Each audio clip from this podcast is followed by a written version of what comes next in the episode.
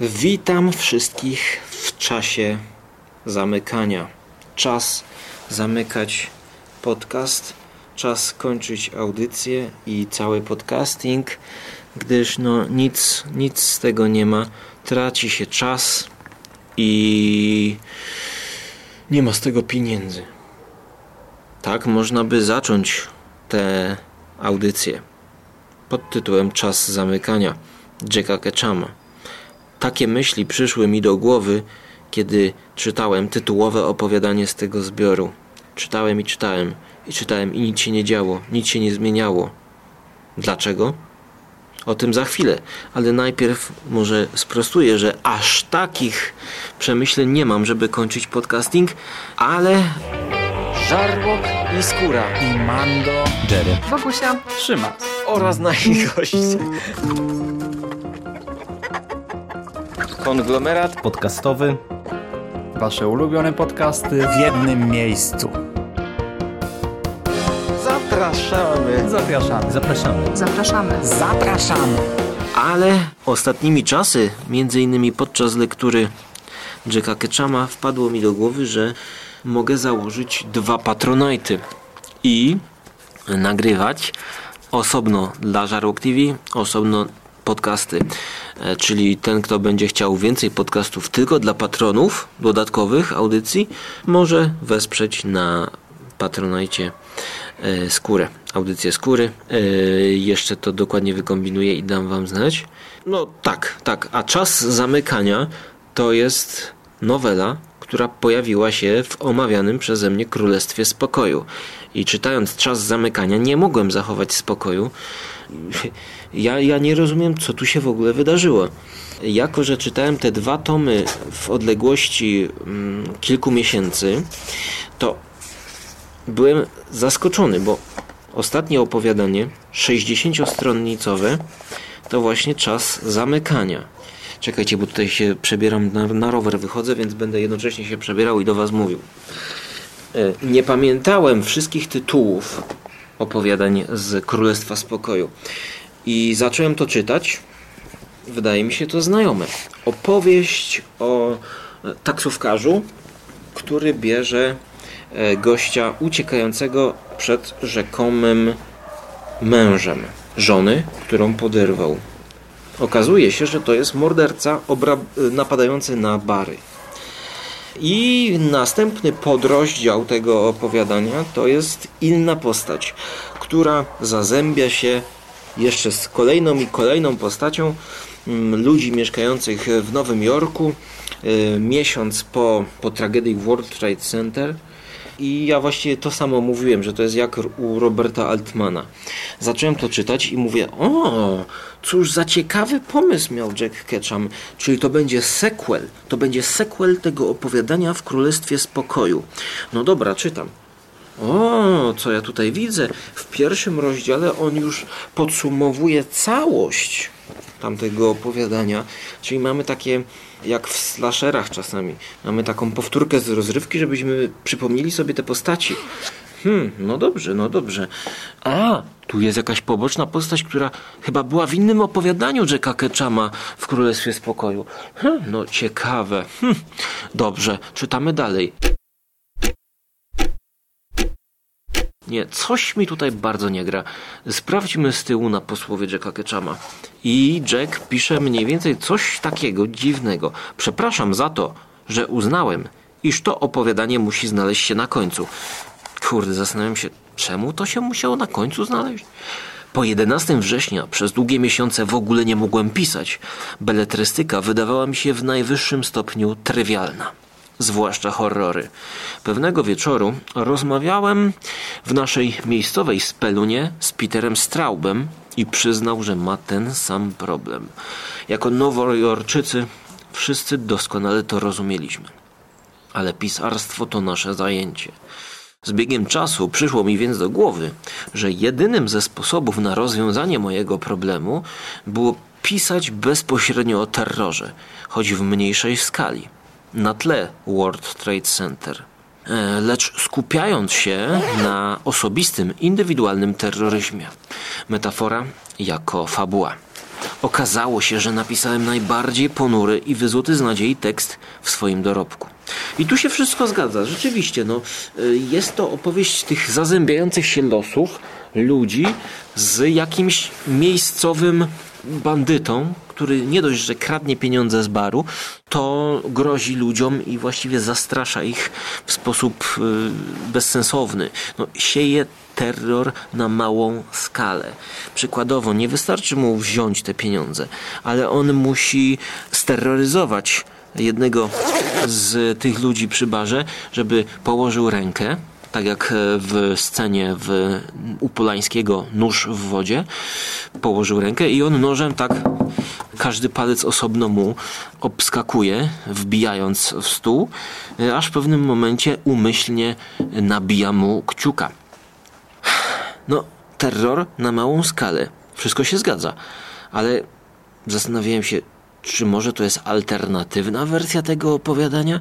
Bo tak jakby bardziej, bardziej rozszerzył tutaj te, to tło, mam wrażenie. No, czytam. Zrozumiałem dlaczego dopiero po tym, jak przeczytałem Szczotki Królestwa Spokoju w wydaniu w miękkiej okładce, gdzie opowiadanie po raz pierwszy zostało opublikowane. Jeśli tak czytam i zasnę szczotki, no szczotki to są takie prebuki, to są takie nie do końca wydane książki, czy bez okładki, oprawione. E, dostarczane są te szczotki do gazet dla krytyków miejscowych on, rozumiem, Jack Ketchum przeczytał tą szczotkę, to już było w drodze do wydania. Ja sobie myślę, kurde, czyli on to poprawił. Tak, dobra, to no czytamy dalej. Kurczę. Czytamy, czytamy, czytamy. I przeczytałem jeszcze raz te 60 stron, po czym dopiero po samym końcu uświadomiłem sobie, że drugi raz przeczytałem to samo opowiadanie.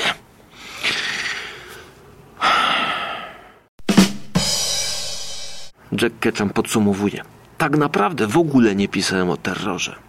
Pisałem o utracie. Nieodwracalnej, bezpowrotnej utracie.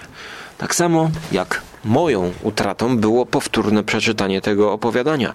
Dziękuję, Jack Ketchum. Jak to czyta polski lektor znakomity? Jack Ketchum. Czyta Robert Jarociński. Jack Ketchum. E, dziękuję, że utrwaliłem sobie dzięki Tobie to opowiadanie, czas zamykania. Wręcz aż miałem ochotę zamykać całą swoją działalność podcasterską, ale może jednak warto było sobie je utrwalić, bo rzeczywiście jest to jedno z lepszych tekstów. Chociaż, czy Jack Ketchum, Jack Ketchum jest e, Edgarem Allan Poe? No, jeżeli mamy różne antologie Edgara, to zwykle mamy różnych wydawców i oni decydują, które opowiadania opublikować i wtedy rozumiem, że jakieś mogą się pojawiać. No na polskim rynku jest już wiele antologii mistrza, w których właśnie teksty się powielają. Ale w przypadku, kiedy na polskim rynku mamy replikę wydającą te zbiory, zupełnie nie rozumiem takiej strategii. No ale zaraz. Sprawdziłem na Goodreads i ten tom, który dzisiaj omawiam, Czas zamykania, pierwotnie jest opublikowany w roku 2007 a w Polsce w 2014. Natomiast Królestwo w Spokoju e, w Polsce wydane zostało w 2011, więc najpierw było Królestwo w Spokoju i tak samo było za granicą. A dodatkowo układ tych opowiadań jest niezmieniony w polskim wydawnictwie. Więc to nie jest polski wybór, tylko to jest po prostu toczka w toczkę wydana w Polsce książka tak jak za granicą. Po prostu kupuje wydawnictwo prawa i wydaje tak jak jest. I na koniec być może te słowa, że to był mój pomysł, żeby na koniec było to opowiadanie, to tam Jack Ketchum powinien dodać, to był mój pomysł, że na koniec jeszcze raz chciałem opublikować to samo swoje opowiadanie bez żadnych poprawek, żebyście sobie je utrwalili. I'm here to tell you my name is Jack is going to be an enormous hit. A co już w ogóle dla mnie jest zaskakujące, to że od tego opowiadania wziął tytuł ten tom, Czas zamykania. No to skoro to jest tak ważne opowiadanie, to czemu nie w poprzednim tomie był taki tytuł? Nie rozumiem tego zabiegu, szczerze mówiąc, bo Królestwo Spokoju miało i swoje opowiadanie, i czas zamykania. A teraz czas zamykania, ma czas zamykania i wiele innych tekstów, od których e, mogłoby to wziąć e, tytuł antologii. No i właściwie e, dochodzi późna pora, słu- słuchajcie, zaczyna się ściemniać. No mamy, mamy jakby tytuł wyjaśniony, więc ja tutaj zrobię teraz przerwę na przejażdżkę rowerową, gdyż jest godzina e, 19.07. Nagrywam tu na początku września, więc jak wrócę, to pogadamy o kilku wybranych tekstach, bo jest to antologia, można by powiedzieć, taka uzupełniająca Królestwo Spokoju, która nie daje mm, specjalnych nowych wrażeń, y, bo to jest te same wartości, ten sam sposób podejścia do opowiadania, jaki Jack zaproponował w Królestwie Spokoju. Więc w drugiej części naszego spotkania ja po prostu omówię kilka tekstów, które zapadły mi w pamięć, na które ch- chcę zwrócić Waszą uwagę. No a teraz tutaj jakby Gala, wchodzisz, tu masz, tu, tu, chodź, chodź, chodź, no wejdź do środka. Ona wychodzi tam, tam idzie. No nie wiadomo, gdzie ten kod idzie. Czas zamykania, czas zamykania tej części. Kod wraca jednak, będzie wchodził tędy. No. Czas zamykania, czas otwarcia przejażdżki rowerowej.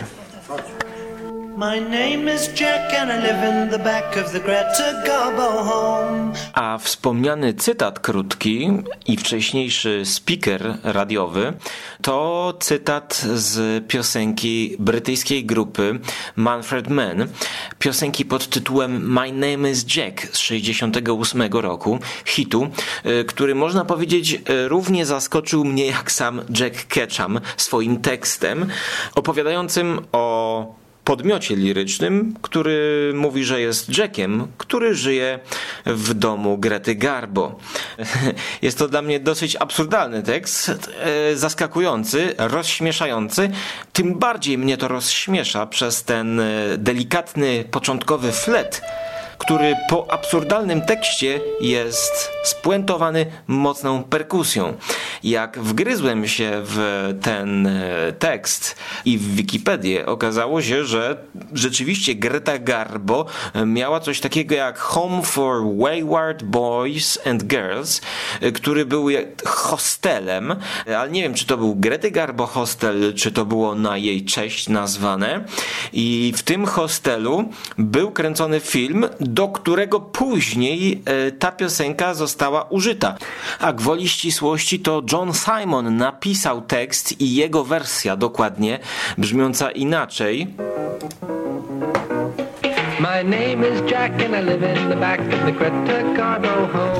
Jest zawarta w filmie, ale skończmy już tę dygresję, gdyż ona nie ma nic wspólnego z Jackiem Ketchumem, poza tym, że chciałem znaleźć dźwięki z Jackiem Ketchumem na, w swoim archiwum i znalazłem właśnie piosenkę My Name is Jack, szukając Jacka Ketchuma. Ale to nie jest Jack Ketchum, tylko Jack, który żyje w domu Grety Garbo, a właściwie w jej hostelu. Ale teraz już cofamy się do miejsca, w którym prowadzący skóra wybierał się na rower. With friends I will remember wherever I may roam.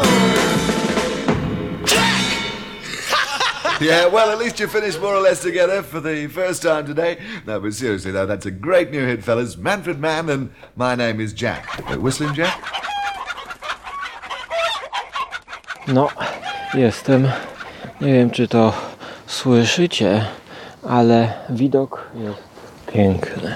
Telefon komórkowy, więc aplikacja dyktafon pozwoli, abyście posłuchali o jednym z opowiadań Jacka Ketchuma. Nie bez kozery wybranym, żeby to nagrywać nad jeziorem sztucznym w moim mieście. Nie sądziłem, że to tak teraz pięknie wygląda porosło to liliami wodnymi chyba i wybudowano takie molo, na które można wyjść i właściwie jestem na środku jeziora w odległości od brzegu jakieś 30 metrów. Nie, bez kozery pomyślałem w drodze, żeby tutaj nagrać o opowiadaniu pod tytułem Pejzaż nadmorski z 2005 roku, jeśli dobrze pamiętam. Nadmorski pejzaż czytałem nad Wisłą, więc nad rzeką. W dzisiejszej audycji mamy już więc rzekę, jezioro, tylko morza brakuje, no ale morze jest w samym opowiadaniu. Muszę Wam powiedzieć, że uwielbiam tego typu klimaty. No jest niedziela i nie ma tutaj nikogo, a przynajmniej tak mi się wydaje, że nikogo nie ma nad tym jeziorem. Jest mgła. Jak tutaj jechałem, to mgła była, mgła była widoczna i groźna. Zachodzi słońce, jest różowe niebo, tak zwane vanilla sky. To jest pejzaż, na tle którego dzieje się tragedia w opowiadaniu Jacka Ketchama, gdyż mamy do czynienia z parą. E, Żona umiera na raka, no i ona chce popełnić samobójstwo. Jako, że kochają się bardzo, mąż, już też starzejący się, nie chce zostać sam, więc postanawiają skoczyć do wody w zimne, wzburzone morze, albo nawet chyba ocean. I tak też robią, ale kończy się to w sposób przewrotny. Przewrotny sposób e, rodem z Jamesa Herberta i powieści Mgła, gdzie jest bardzo podobna scena już w 1975 roku, choć może też więcej tego typu pomysłów było w różnych opowieściach z dreszczykiem. Po prostu e, kobieta cudem przeżywa tę próbę samobójczą, a facet umiera. W powieści Mgła było coś podobnego, gdzie właśnie kobieta chciała się utopić w tamizie.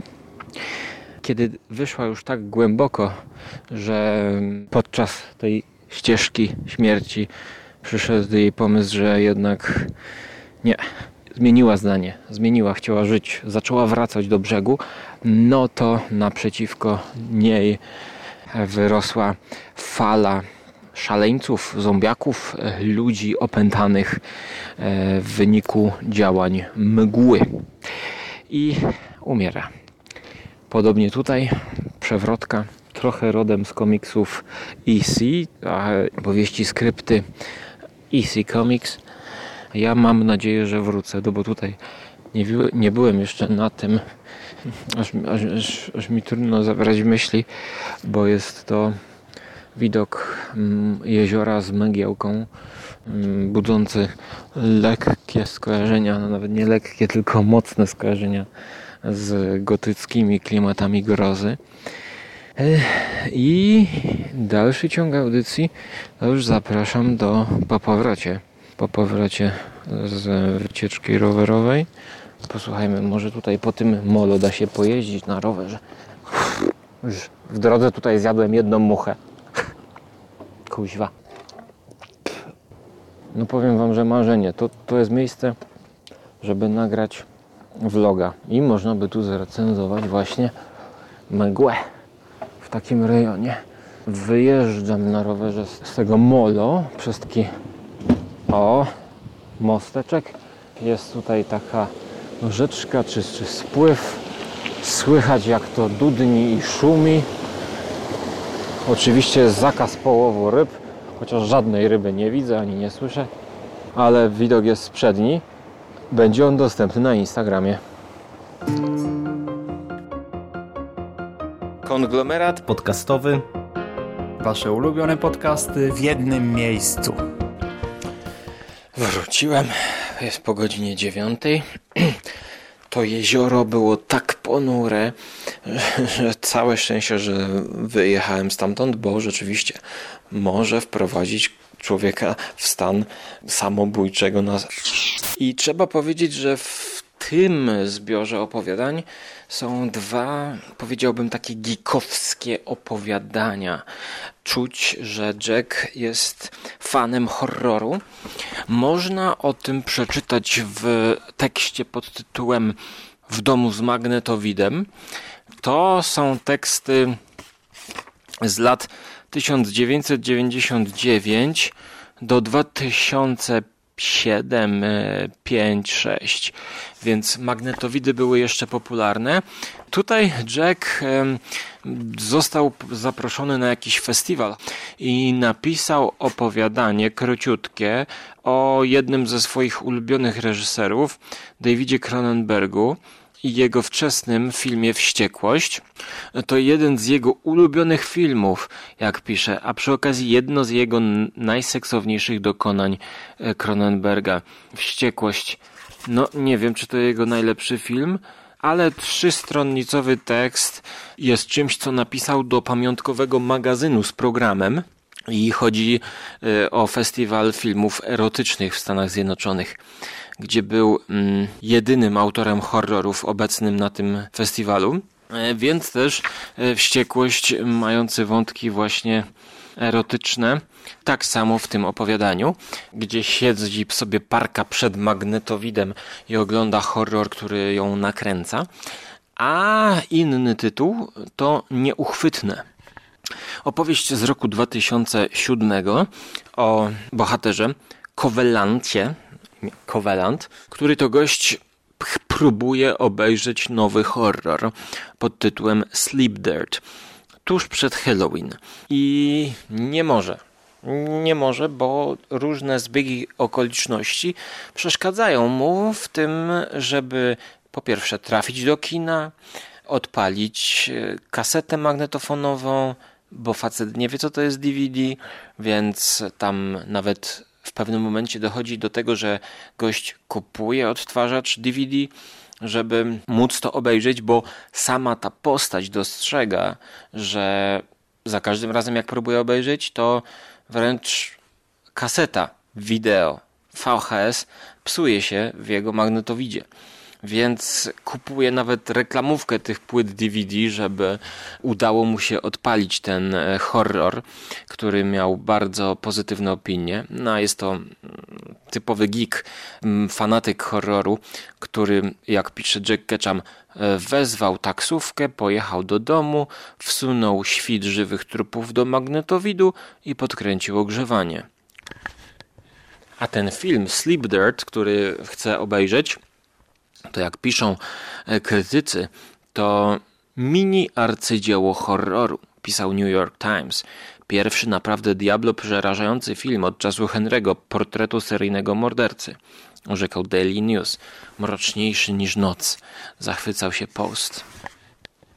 Opowiadanie z przewrotnym zakończeniem można zakwalifikować jako realizm magiczny z horrorem w tle, który właśnie jest na półce obok produkcji typu Cigarette Burns mm, Carpentera. Czyli opowieść o złowieszczym filmie, mm, czy też troszkę tak jak w kręgu, tylko że tutaj wpływa na tę postać, która chce obejrzeć w jakiś sposób. Okazuje się, że potem ta postać być może występowała w tym filmie i ta postać nie wie, że występowała, więc chce obejrzeć tym bardziej, żeby sprawdzić, czy to ktoś tak podobny jak ona występował w tym filmie. No więc jest to taki mm, troszkę taka zagubiona autostrada. Ale głównie mamy tutaj historie obyczajowe, pokazujące właśnie niesprawiedliwość świata, przypadkowość życia, jak chociażby dzielna dziewczynka o czterolatce, która dzwoni na pogotowie, aby uratować swoją mamę, która zemdlała w e, wannie po czym okazuje się, że ma ta dziewczynka jakieś e, szramy na mm, nogach, świadczące, że być może jest bita, molestowana, mm, nie wiadomo. Mm, mamy tutaj teksty właśnie tak jak pejzaż nadmorski, obyczajowe, także za, za zgodą. E, tekst o granicach seksualnych, y, a właściwie zbliżeń za zgodą. Ile możemy zrobić za zgodą drugiego człowieka, żeby odnosić przyjemność? Mm, y, tutaj jest pokazana kobieta, która e, odnosi rozkosz, kiedy no, kiedy można by powiedzieć, kiedy coś ją łamie w stawach.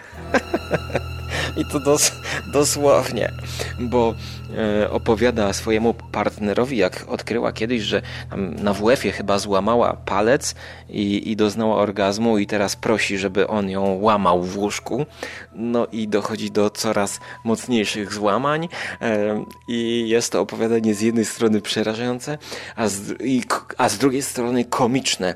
Jednocześnie e, skręcamy się z bólu czytając to, a z drugiej strony mówimy, no nie, no nie, no to, to jest przesada, to jest już, to jest już typowy horror to jest już typowa wyobraźnia Jacka Ketchama idąca w przerysowanie i, i dla mnie też w taką czarną komedię.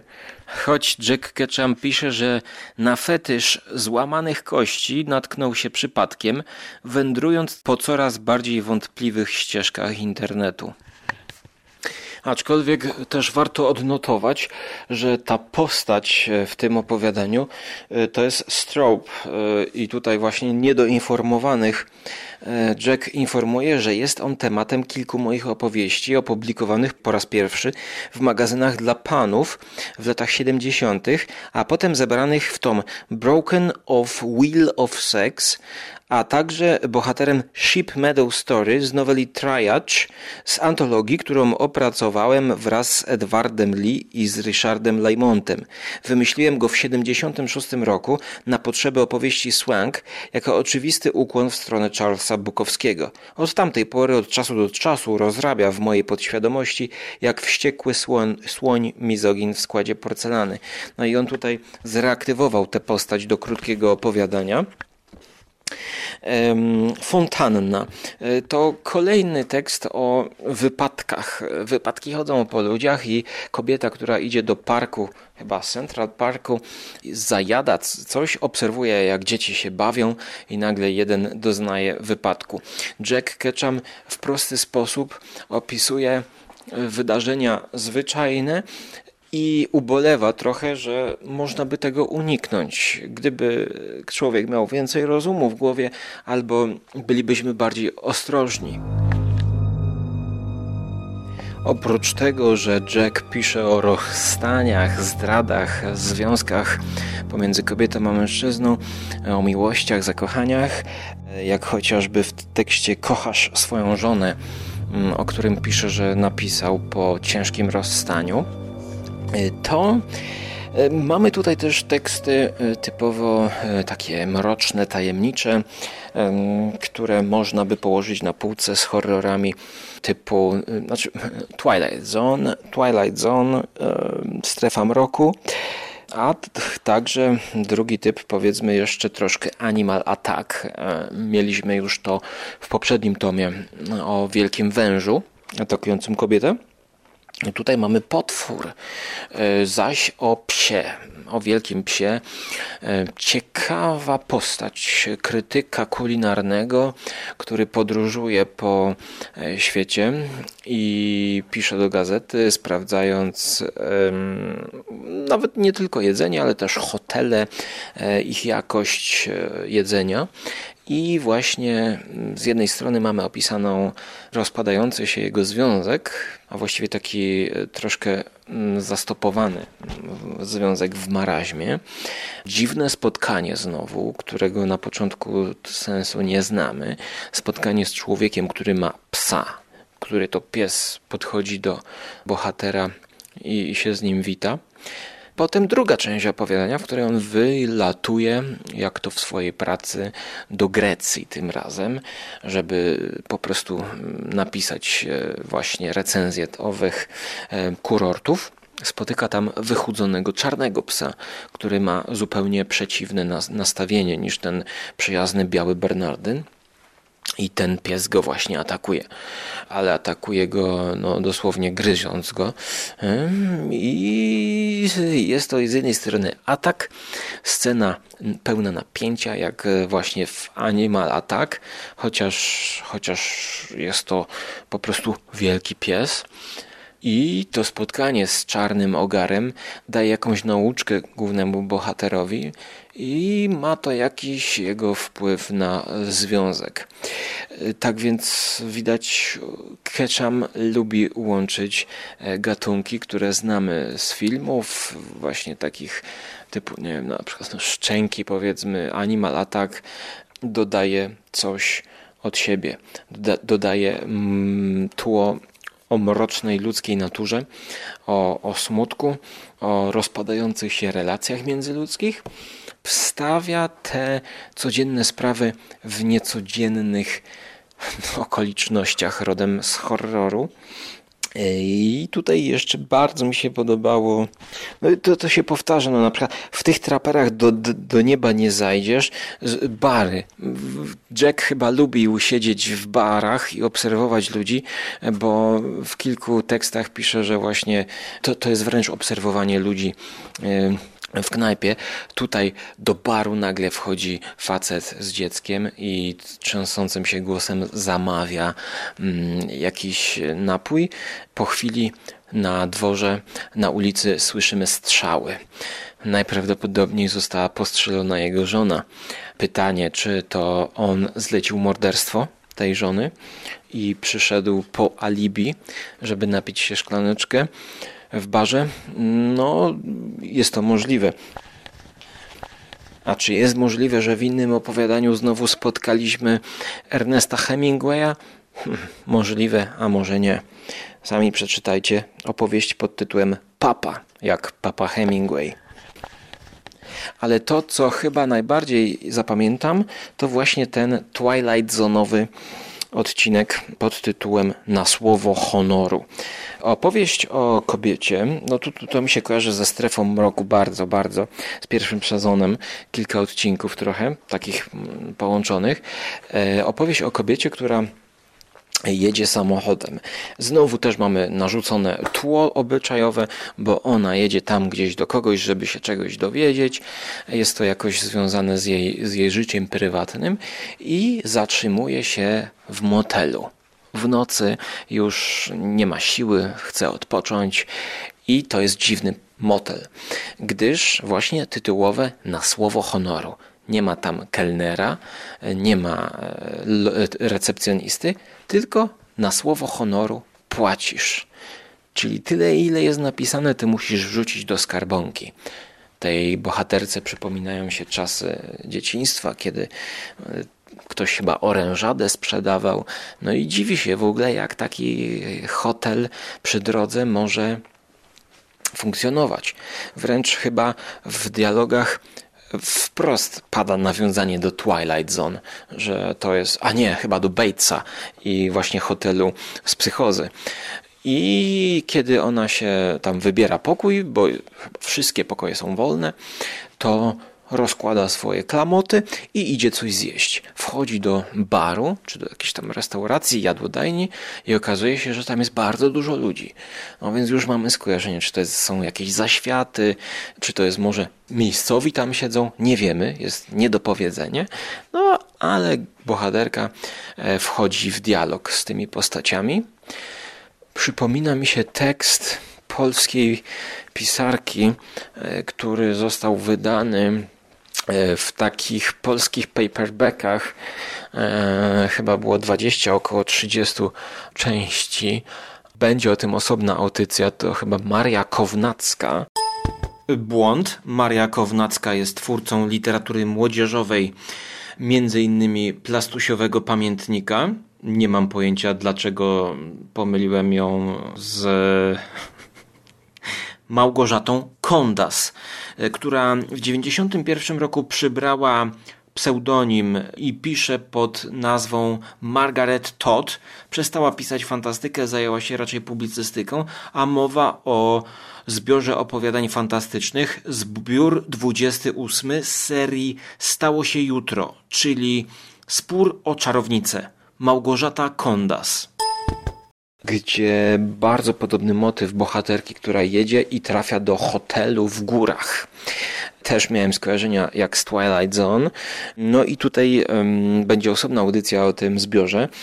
Ale, bo to, bo to jest rzadkość i, i mało znana rzecz, ale właśnie widać, że tego typu historie, że ktoś jedzie, noc, musi się zatrzymać, dziwne miejsce, powtarzają się niezależnie od kontynentu, czy to w Polsce w latach 80. w takiej antologii, e, czy właśnie później u Jacka Ketchama w bardzo dobrym tekście pod tytułem Na słowo honoru. Ja myślę, że przeczytałbym jeszcze raz ten tekst, e, ale muszę oddać książkę, bo to z biblioteki.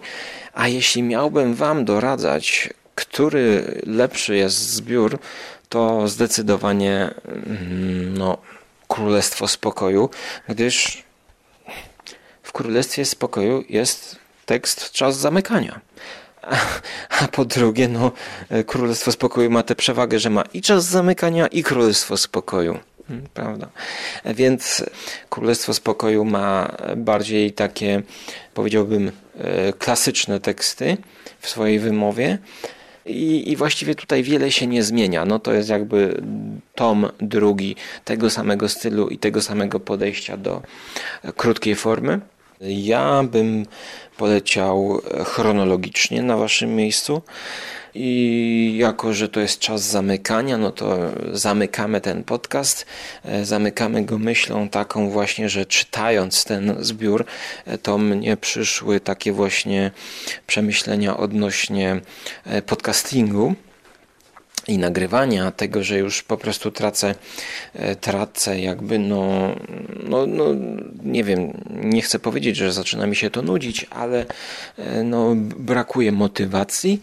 e, A czytając te teksty, to paradoksalnie miałem takie odczucie właśnie, jak w pierwszym tomie, że Jack Ketchum mówi, że życie jest piękne i że trzeba jakby korzystać, próbować działać.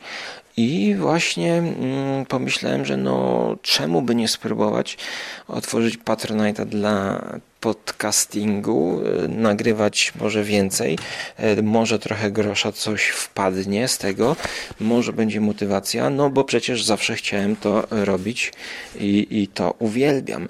E, dlatego no tutaj tak możecie podrzeko, podzie, podrzekować, możecie podrzekować kecz, al, pokeczamo, pokeczamować, e, podrzekować Ketchamowi za tutaj takie przemyślenia no i, i dołożoną cegiełkę do tego, że no, no może coś z tego się urodzi, e, a najlepiej podziękować Ketchamowi czytając jego powieści, no bo już facet nie żyje E, więc po prostu podziękujcie mu, próbując coś wyciągnąć z jego twórczości. Ja na pewno będę jeszcze wracał do e, jego prozy, choć patrząc na krótką formę, jak na razie bardziej sobie ją cenię niż długie teksty. E, Ale no, nie ma już chyba w Polsce opowiadań, tylko są takie rozrzucone takie e, cząstki, jak chyba w przejażdżce, więc jeszcze możecie liczyć w przyszłości na moje podcasty. E, Może jakieś duety będą. No, a tymczasem trzymajcie się ciepło. Do usłyszenia. Stay tuned. Będę Was informował na bieżąco o planach względem nagrywania Patronite'a.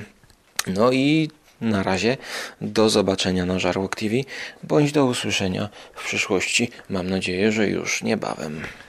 You just don't turn it off!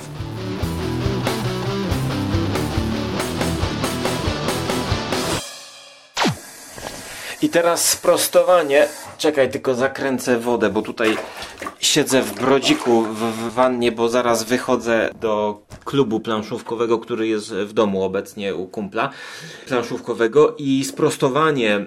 Rzeczywiście porównanie do hotelu Batesa pada, ale nie w samym tekście opowieści, tylko w końcówce od autora. Jack Ketchum pisze tak, skąd się w ogóle wziął pomysł na to. Moja przyjaciółka pracowała kiedyś jako przedstawiciel handlowy. Pewnej nocy przejeżdżała przez Nową Anglię i trafiła do leżącego na uboczu motelu, który ku jej zaskoczeniu działał na zasadzie na słowo honoru. Powiedziała, że to było jedno z najdziwniejszych doświadczeń jej życia. Z kolei nocna jazda przez Florydę drogą stanową we mgle stanowiła jedno z najbardziej zatrważających doświadczeń w moim życiu, pisze Jack Ketchum. Tak bardzo chciałem gdzieś się zatrzymać, że bez mrugnięcia zajechałbym do motelu Batesów. Lecz nie licząc przejeżdżających z rykiem ciężarówek, na przestrzeni wielu kilometrów nie natrafiłem na żaden ślad ludzkich osad. Wszędzie dookoła leżała padlina, łącznie z trupem jelenia tuż przede mną, a ten cholerny zając prawie kosztował mnie życie. I również pojawia się zając, który zajeżdża drogę głównej bohaterce na wstępie w opowiadaniu. Od tego się zaczyna. Jack pisze, że poskładał to wszystko do kupy i dodał bar pełen duchów. Kapitalne opowiadanie. I jeszcze tutaj e, Czekajcie, bo kuźwa... Muszę tutaj się szybko pod prysznicę, bo jestem w drodze, tak jak główna bohaterka. Jestem w drodze i właściwie teraz jestem prawdziwym podcasterem. Słuchajcie, bo prysznic, brodzik, a, nawiązanie dla wtajemniczonych. I sama orężada, e, jednak dobrze pamiętam, drugi raz specjalnie przeczytałem to opowiadanie, bo jest kapitalne, żeby sprostować. E, Sama orężada mm, jest tutaj wspomniana przez jedną z postaci, którą spotyka główna bohaterka i ta postać opowiada króciutki akapicik jeszcze. Pamiętam jak byłam mała, odezwała się starsza kobieta. Ta kobieta, która jest spotkana w barze, już jak ona się zakwaterowała i widzi tam w barze jakiś miejscowych najprawdopodobniej. Pamiętam, jak w sklepie u Filberta była taka ogromna zamrażarka. Stała na zewnątrz, a w środku miała lód i napoje w puszkach. To było dawno temu, zanim pojawiły się te automaty z napojami. Ta zamrażarka była jak wielka trumna. W sklepie nie było na nią miejsca, więc się otwierało, brało napój i szło do środka zapłacić. Pewnego dnia nie miałam tych dziesięciu centów, więc po prostu wzięłam sobie napój i poszłam. Myślałam, że skoro nikt nie widzi, to nic się nie stanie. Rzecz w tym, że akurat wtedy stary Filbert przypadkiem wyjrzał przez okno. Mówię wam, ojciec tak mnie zlał pasem, że cały tydzień nie mogłam usiąść do stołu. Powinnam to przewidzieć, rozumiecie? Powinnam to przewidzieć. Tak, i teraz jestem prawdziwym podcasterem amatorskim i mogę przejść na profesjonalizm. Mogę założyć Patronite'a. Nagrałem y, część podcastu pod prysznicem w Brodziku. No, nie będę mówił, co tutaj dokładnie robiłem za czynności, bo to już bym podwyższył poprzeczkę. Podwyższyłbym poprzeczkę pułapu, po którym zostaje się y, podcasterem prawdziwym. Czas zamykania y, wejścia do prysznica. Po dziewięciu latach wreszcie zostałem prawdziwym podcasterem.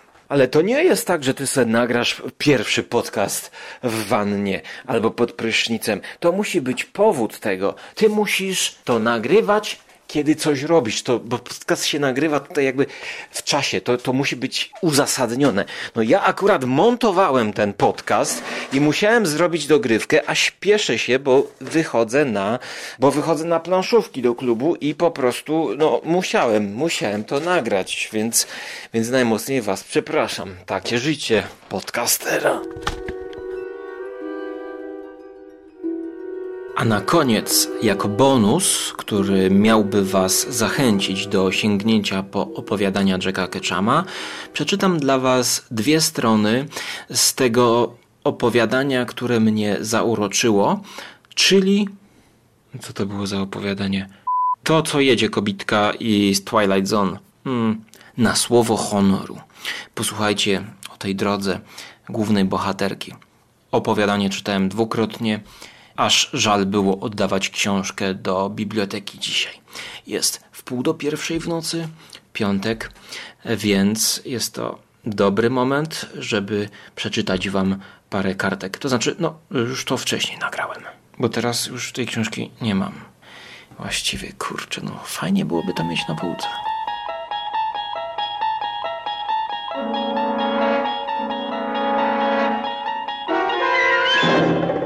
Traveling through another dimension. Przed sobą zobaczyła neon motelu Czego ci potrzeba. Taka nazwa, czego ci potrzeba. Wiedziała, że nie zniesie kolejnych dwóch godzin takiej jazdy. Nie ma mowy. I tak już była północ, więc dziś i tak już wujka nie zobaczy. Wujka, do którego właśnie jechała.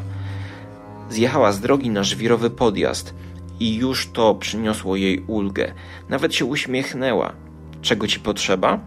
Mnie potrzeba cholernego papierosa, pomyślała. W światłach reflektorów zobaczyła, że motel obejmuje zaledwie kilkanaście niewielkich, drewnianych domków, stojących półkolem wokół jasno oświetlonej recepcji. Nietypowo. Czegoś takiego można się było spodziewać w Nowej Anglii, a nie na Florydzie, gdzie zazwyczaj motele składały się z przynajmniej dwukrotnie wyższej liczby przysadzistych betonowych jednostek, połączonych ze sobą po obu stronach i otaczających prawie nieużywany, ale z jakiejś przyczyny obowiązkowy basen. Wolne miejsca to za mało powiedziane. W zasięgu wzroku nie było drugiego auta. Zaparkowała i wysiadła z Nissana. Jeszcze zanim otworzyła drzwi do recepcji, odczuła pustkę tego miejsca. Zobaczyła, że za ladą nikogo nie ma. Miała nadzieję, że nie będzie problemów. Północ to nie aż tak późno, prawda? Zauważyła, że w środku nie było rejestru gości, ani żadnego dzwonka, którym można by wezwać recepcjonistę czy właściciela. A potem przeczytała napis nad starą, zabytkową kasą, znajdującą się tuż przed nią. Witamy w motelu, czego ci potrzeba. Działamy wyłącznie na słowo honoru. Stawki 15 dolców za pokój jednoosobowy, 30 za noc za pokój dwuosobowy. Wymeldowanie do 11. Klucze znajdują się po lewej, bar na zapleczu. Wszystkie drinki po 2 dolary, napoje bezalkoholowe na koszt firmy. Bierz czego ci potrzeba, a rano nabij na kasę. Miłego pobytu. Na słowo honoru? W motelu? Boże, nie widziała tej zasady w użyciu od podstawówki. Jeszcze zanim pan Lister otworzył sklepik i kładł monetę na pozostałych gazetach. Chociaż było jeszcze stoisko z owocami i warzywami przy drodze niedaleko domu wujka Eda przy jeziorze. Wszystko było wycenione i brało się wybrane produkty, zostawiając pieniądze w tekturowym pudełku po nasionach na chwiejnym drewnianym stoliku. Ale motel z barem w 2003 nie mogła w to uwierzyć. Podeszła do półki z kluczami. Najwyraźniej mogła sobie wybrać pokój. Klucze wisiały na każdym haczyku. Dziwnie się czuła na myśl, że jest jedynym gościem. Na myśl o tym, że jest całkiem sama. Zastanawiała się, czy w ogóle jest tu bezpiecznie. W końcu była na kompletnym zadupiu. Z takiego miejsca można zniknąć i nikt nigdy się nie zorientuje. Sięgnęła do torebki na papierosy, odpaliła jednego i rozważyła swoją sytuację. Alternatywą był powrót na drogę. Alternatywa do niczego. A skoro pokoje mają klucze, to mają też zamki. Uznała, że to pewnie wystarczy, że jeśli okna da się zaryglować, powinno być dobrze. No i podoba jej się ta zasada na słowo honoru. Kojarzyła jej się z czasami, kiedy życie było prostsze, bardziej wyciszone. Kiedy to sąsiedzi byli prawdziwi sąsiedzi, a nie tylko ludzie, którzy mieszkają tuż obok. Kiedy nie trzeba się było przejmować zamkami i kluczami. Zawsze lubiła liczbę trzy. Zatem trójka. Pora zwiedzać. Zdjęła klucz z półki i wyszła na zewnątrz na zimne powietrze. You've just crossed over into the Twilight Zone.